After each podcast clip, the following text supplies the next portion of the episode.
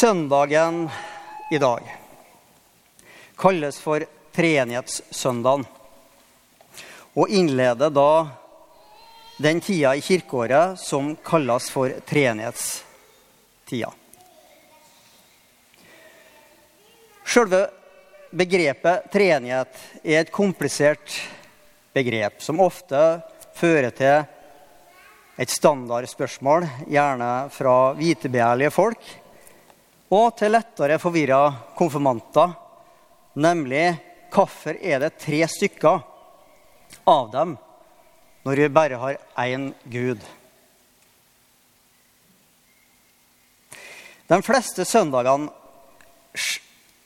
ser vi, på ulike aspekter ved Gud gjennom de tre ulike værenene av guddommen, slik som Gud og skapelsen, Jesu liv og virke, eller Den hellige ånd og kirka. Men akkurat eh, denne søndagen så bindes de her tekstene tre, de her tre tekstene sammen eh, for at vi skal forstå Guds vesen. Det er ikke bare konfirmantene som gjennom tida har latt seg forvirre av en treenig Gud. Kirkefedrene på 300-400-tallet sleit også med det samme. Det var en problemstilling som gjentok seg og gjentok seg i masse diskusjoner. Mange kjenner kanskje til både den arianske striden og kirkemøtet i Nikea i år 325, som leda frem til den nikenske trosbekjennelsen. Denne søndagen er på mange måter starten på en form for pilegrimsvandring gjennom både livet og verden, og markerer starten for misjon og menighetsbygging. Og det er her søndagens tekster handler om. Vi befinner oss i siste del av Lukasevangeliet, som vi har hørt, hvor Kristus har åpenbart seg for disiplene etter oppstandelsen. Han har vist dem sin legemlighet gjennom både å spise den stekte fisken de gir ham, og ved å be dem om å ta på han for å kjenne at han er av kjøtt og blod.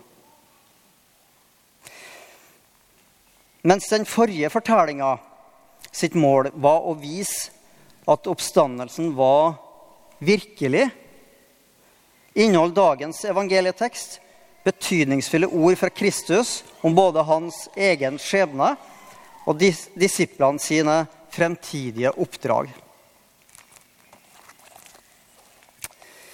Vi har i dagens evangelietekst lest om hvordan Kristus etter sin tilbakekomst lar disiplene forstå hvorfor de gamle profetiene måtte opplyses slik det så skrevet i Det gamle testamentet. Og det er fordi det hele var en del av Guds frelsesplan. Og om hvordan han setter disiplene i stand til å forstå hvorfor han måtte lide og dø som en del av forkynnelsen om både omvending og tilgivelse for alle folkeslag. Han gir disiplene et oppdrag om å vitne om det her, utrusta med kraft fra Gud. Vi finner i denne teksten med andre ord både et såkalt skriftsmotiv, ved at Kristus forklarer disiplene Skriftenes betydning, og et misjonsmotiv gjennom oppdraget han gir til disiplene sine.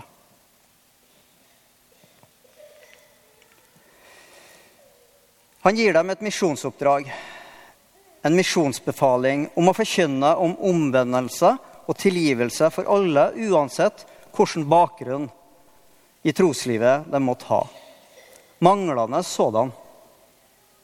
Eller hvilket folkeslag de tilhører eller tilhørte. Gud ruster dem ut for dette viktige oppdraget. Og det finnes også et herlighetsmotiv om målet for Guds frelsesplan. Det er å fri menneskene fra synd og død. Lukas bruker denne fortellinga til å underbygge oppstandelsesbudskapet. Gjennom Skriftene og på samme tid minner menigheten på at gjennom Kristus sin død og oppstandelse så blir Skriftas vitnesbyrd klart.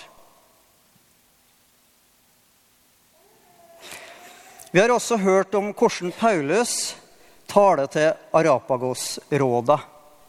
Paulus var en dyktig taler som tok i bruk sterke retoriske virkemidler. Han innleda talen med å rose dem for deres religiøsitet og alle helligdommene som fins i byen Aten. Han bruker dette som et retorisk grep når han sier at han også fant et alter til en ukjent gud, og at det er der denne guden har kommet for å forkynne om. En gud de ennå ikke kjenner, men likevel har reist et alter for. Nå skal det sies at Paulus her samtidig kanskje er litt overmodig. Grekerne hadde sine egne guder i den greske mytologien. Og de her gudene var tett knytta sammen med mennesker og sine hverdagsliv på denne tida. De hadde stor respekt for gudene sine, som var knytta til både vellykka avling og krigføring, samt beskytte familie og heim. Årsaken til at de derfor hadde et alter tilegna en ukjent gud, var at de var livredde for å glemme noen, og dermed bli utsatt for denne glemte gudens vrede. Men Paulus ser muligheter til å bruke dette som en åpning for å forkynne om Gud.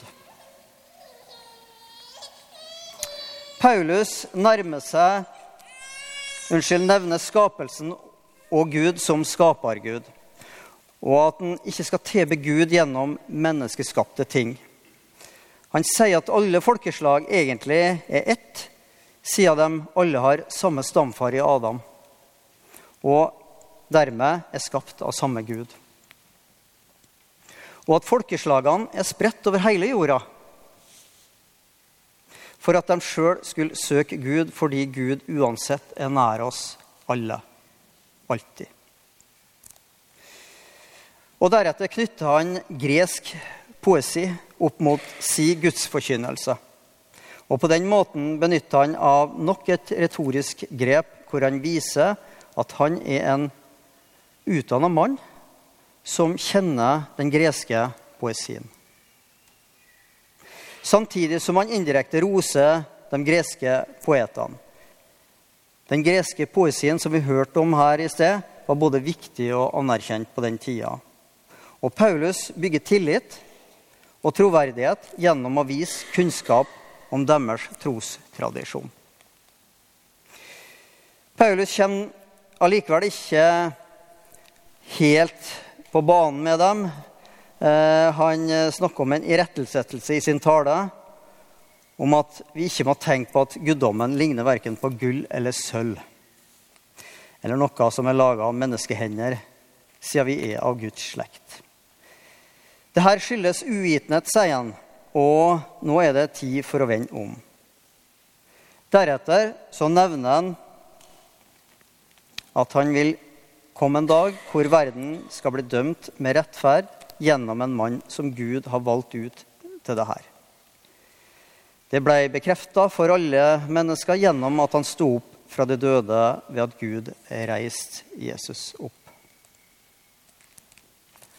Men det her skjer litt eh, for kjært for Paulus. Oppstandelsen blir for mye for mange av grekerne.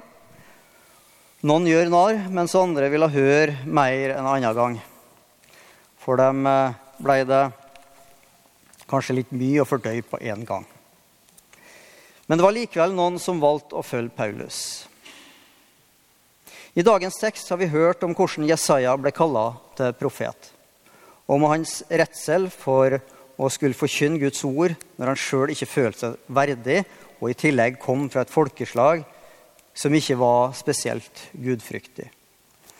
Men Jesaja renses gjennom gloa fra alteret, og han blir så ivrig etter å utføre sin profetgjerning at han nærmest roper det ut til Gud. Felles for disse tekstene er at de alle handler om misjon og forkynnelse av evangeliet i en verden til alle folkeslag. Det handler også om å forstå og se dem og store sammenhengen mellom Bibelen fra GT og over i NT. Om Guds frelsesplan for hele verden og gjennom Kristus som soneoffer. For at denne planen skal lykkes, så, trenger vitner, så trengs vitner, vitner som forteller om Gud, om omvendelse, tilgivelse og frelse. Nå er det sånn at Kirka må ikke bli for selvopptatt og lukka i fellesskapet, sånn som vi kan tenke oss i dag. Det var ikke som var, det som var Guds frelsesplan. Derfor må vi passe oss for at det blir slik Han vil. Treenighetssønnene kaller oss alle til misjon i den treenige Guds navn. Det handler om at Gud, som skaper Gud, opprettholder skaperverket frem til frelsesplaner er fyllbyrda. Det handler også om Kristus i historie gjennom Bibelen, og om Den hellige ånd sin kraft som blir utøst over oss, og dermed gjør oss i stand til å bringe evangeliet ut til alle.